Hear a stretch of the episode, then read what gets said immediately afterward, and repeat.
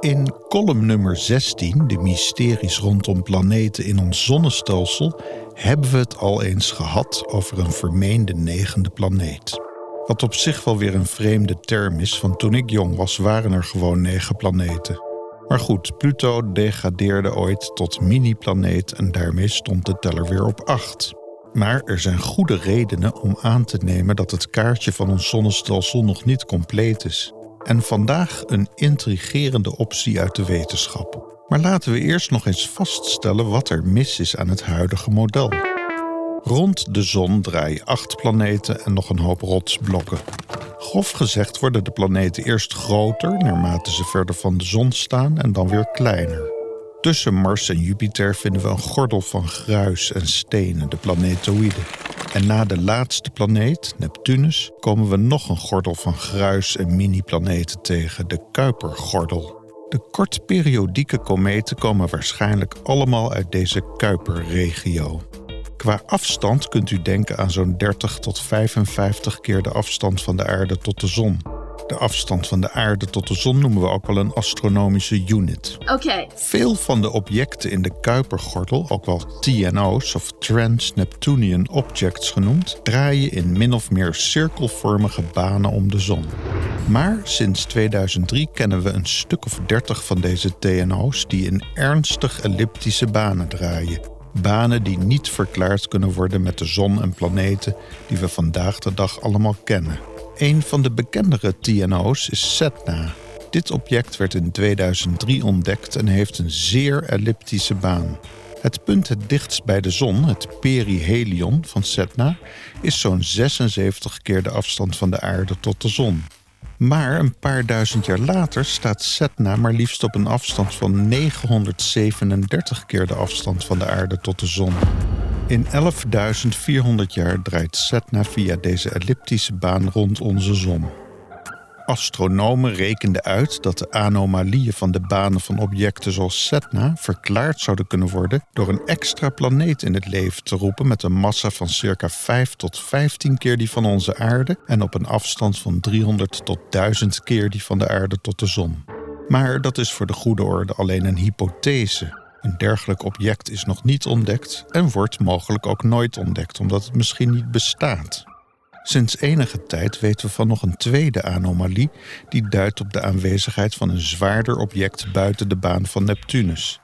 Deze anomalie werd ontdekt met een experiment met de naam OGLE, wat staat voor Optical Gravitational Lensing Experiment.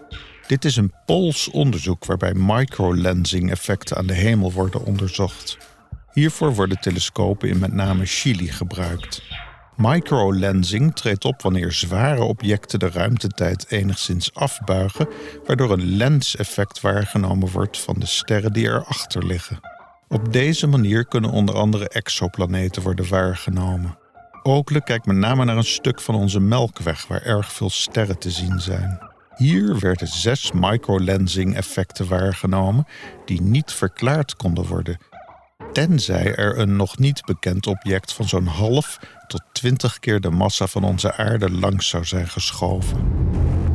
Het intrigerende is dat zowel deze microlensing als de afwijkende banen van enkele mini-planeten verklaard kunnen worden met een object binnen ons zonnestelsel met ongeveer dezelfde massa.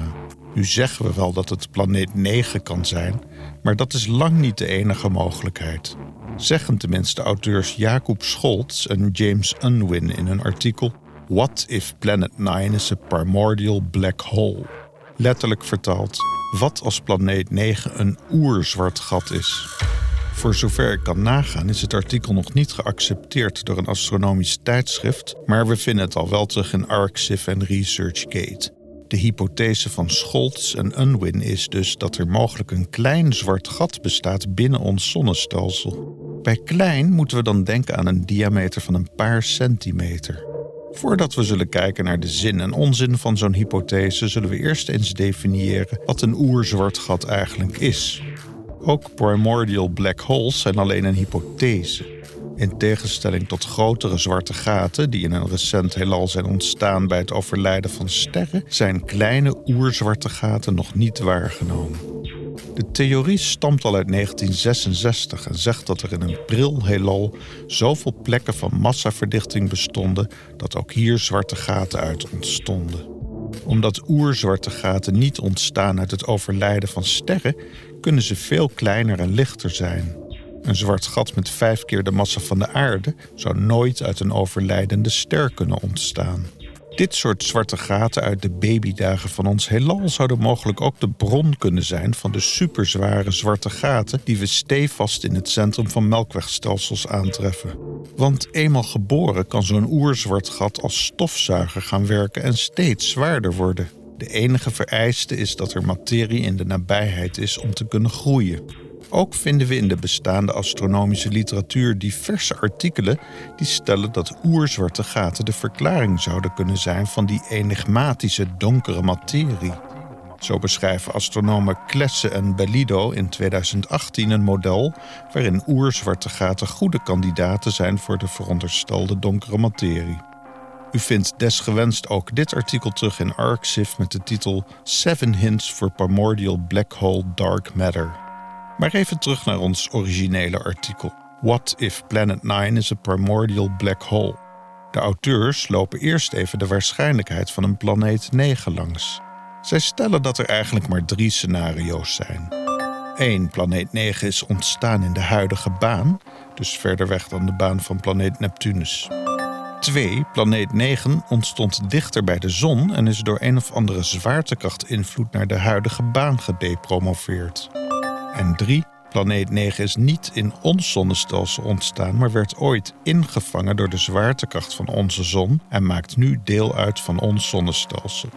Als we ervan uitgaan dat oerzwarte gaten echt veelvuldig voorkomen, zo zeggen de auteurs, dan is het minstens zo aannemelijk dat ons zonnestelsel dit soort object heeft ingevangen als een of andere vrij rondzwevende planeet. Hoe mooi zou het zijn als er daadwerkelijk een mini-zwart gat in ons zonnestelsel zou bestaan? Dan zouden we zo'n object van relatief dichtbij kunnen onderzoeken. Niet te dichtbij natuurlijk, want dan zal het. Het wordt alleen wel lastig om het te vinden als een dergelijk zwart gat maar een paar centimeter breed is. Scholz en Unwin bieden nog een andere optie aan. Op zich is het detecteren van zo'n klein zwart gat erg lastig. Het geval is met een zogenaamde Hawking-temperatuur van 0,004 Kelvin kouder dan de kosmische achtergrondstraling en dus eigenlijk volledig onzichtbaar. Maar er zou een accretiedisk rond dit zwarte gat kunnen ontstaan. Dat is een opgloeiende ring of bal van materie die op haar beurt weer straling kan gaan uitzenden in het gamma- of röntgengedeelte van het elektromagnetisch spectrum. Dit effect zien we immers bij zeer veel grotere zwarte gaten, dus waarom niet bij het kleine oerzwarte gat? Scholz en Unwin concluderen dat als conventionele methodes geen planeet 9 vinden, dat er dan steeds meer motivatie ontstaat om te gaan zoeken naar gamma- en röntgenstraling uit een bron binnen ons zonnestelsel.